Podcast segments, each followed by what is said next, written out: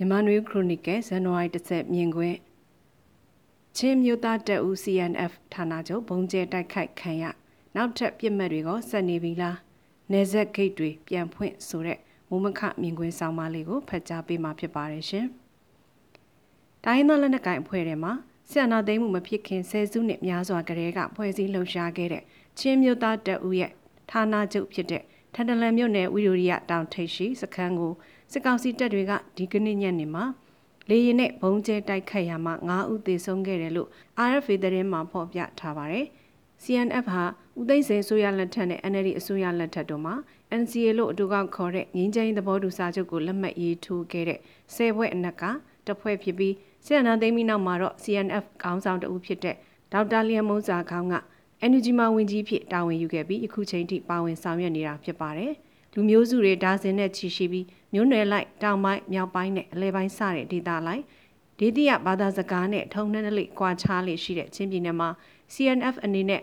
ချင်းပြည်နယ်တစ်ခုလုံးကိုဩဇာရှိတဲ့လက်နက်ကိုင်အဖွဲ့အစည်းတစ်ခုမဟုတ်ပေမဲ့လည်းအစင်လာအားဖြင့်ဆယ်စုနှစ်ချီလူမျိုးစုအရေးအတွက်လက်နက်ကိုင်တိုက်ခိုက်လာတဲ့အဖွဲ့တစ်ဖွဲ့ဖြစ်ပြီးဆီယနာသိမ့်မှုပြီးမှချင်းပြည်နယ်နဲ့ချင်းပြည်နယ်နဲ့ထိစပ်နေတဲ့မကွေးတိုင်းတို့ကဒေသလိုက်ထွက်ပေါ်လာတဲ့ကာကွယ်ရေးတပ်ဖွဲ့တွေကိုစီးတင်နှံပေးခြင်း လက်နက်ထောက်ပံ့ခြင်းတွေရှိနေတဲ့တိုင်းသားလက်နက်ကိုင်ဖွဲ့လည်းဖြစ်ပါတယ်။ဒီအချက်ကခုလိုစစ်ကောင်စီကတိုက်ခိုက်မှုကိုဖြစ်ပွားစေတဲ့အကြောင်းရင်းတစ်ချက်ဖြစ်နိုင်ပါတယ်။တစ်ဖက်မှာလည်းစစ်ကောင်စီကတစ်ဖက်သက်အပြည့်ရမှုကိုနောက်ထပ်တစ်နှစ်တာတက်တန်းတိုးလိုက်တယ်လို့ဆိုထားပေမဲ့ခုလိုတိုက်ပွဲဖြစ်ပွားတာမရှိဘဲ CNF ဌာနချုပ်ကိုလေကြောင်းကတိုက်ခိုက်ခဲ့ခြင်းဟာစစ်ကောင်စီကိုမယုံရတဲ့အကြောင်းကပိုထင်ရှားစေတာဖြစ်ပါတယ်။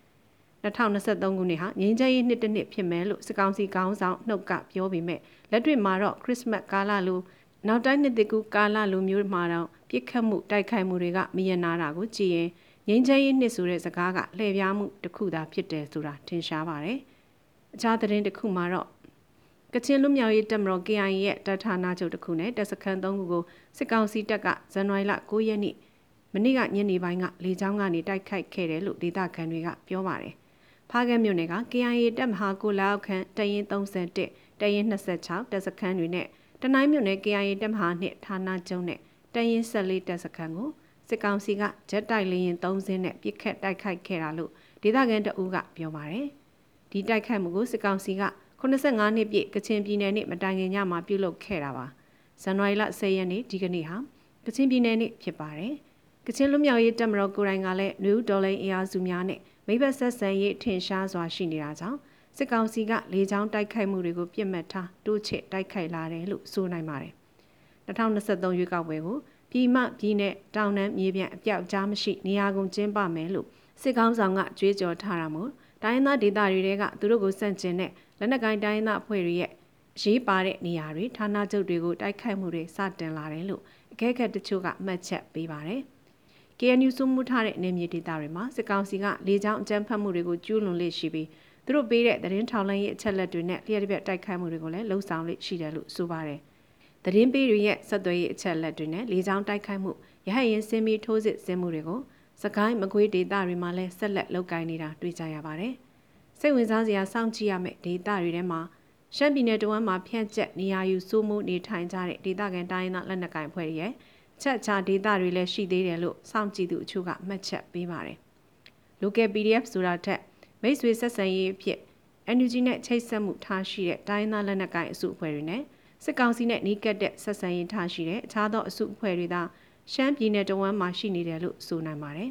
။အဲ့ဒီမှာရွေးကောက်ပွဲခြေလှမ်းတွေလောက်ကင်လိုက်ရင်အဆိုပါတိုင်းသားအစုအဖွဲ့တွေကဘယ်လိုမျိုးအတိုင်းအတာနဲ့စစ်ကောင်စီကိုတုံ့ပြန်မလဲလက်ခံမလဲဆိုတာကိုစောင့်ကြည့်ရပါမယ်။အဆိုပါဒေသတွေက တိုင်းသားနိုင်ငံရေးပါတီတွေရဲ့2023ပေါ်စိတ်ဝင်စားမှုရှိမရှိကလည်းတပိုင်းဖြစ်ပါတယ်။မြန်မာနိုင်ငံနဲ့နေဆက်ဒေသများဖြစ်တဲ့မြန်မာတရုတ်နေဆက်ဂိမ်းများကိုလည်းပြန်လည်ဖွင့်လှစ်မှာဖြစ်ကြောင်း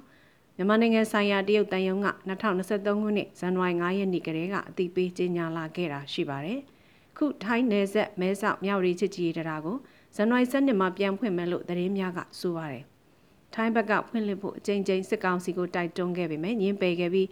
အခု2023ခုနှစ်နှစ်သက်မှာစစ်ကောင်စီကလိုက်ရောလိုက်ပုံရပါတယ်။သို့ပေမဲ့အရင်တုန်းကပုံမှန်အခြေအနေမျိုးဆိုတာထက်နေဆက်ကုံသွေးဟာစစ်ကောင်စီဘက်ကလုံခြုံရေးတပ်များနဲ့ KNU တပ်မဟာများရဲ့တပ်များကြားကနေကုံသွေးတွေအာဏာပိုင်တွေကဆက်ဆံရေးတစုံတရာထူထောင်ပြီးဖြတ်တန်းကြရမှာဖြစ်တယ်လို့ပြောကြပါတယ်။ KIC သတင်းစင်မှာချစ်ကြည်ရေးတရပြန်ဖွင့်တာနဲ့ပတ်သက်ပြီး KNU တွဲဘက်အထွေထွေအတွင်းရေးမှူးနှစ်ဟောင်းဘဒုမန်းမန်းကအခုလိုသဘောထားပေးပါတယ်။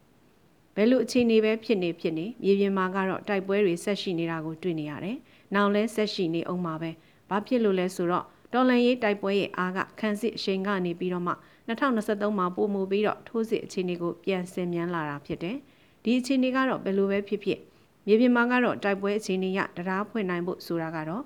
လားလာသိမ့်မရှိဘူးလို့ပဲကျွန်တော်တို့ပြောရမှာဖြစ်ပါတယ်။2023မှာစစ်ကောင်စီဘက်ကခြေလန်းတွေထဲမှာ သူနဲ့မိဘအသွင်ရှိတဲ့အိမ်နီးချင်းတွေနဲ့နေဆက်ဒေတာပိုင်းဆက်ဆံရေးတွေပြန်လည်ထူထောင်နေတာကိုလည်းသတိပြုမိကြမယ်ထင်ပါတယ်ရှင်။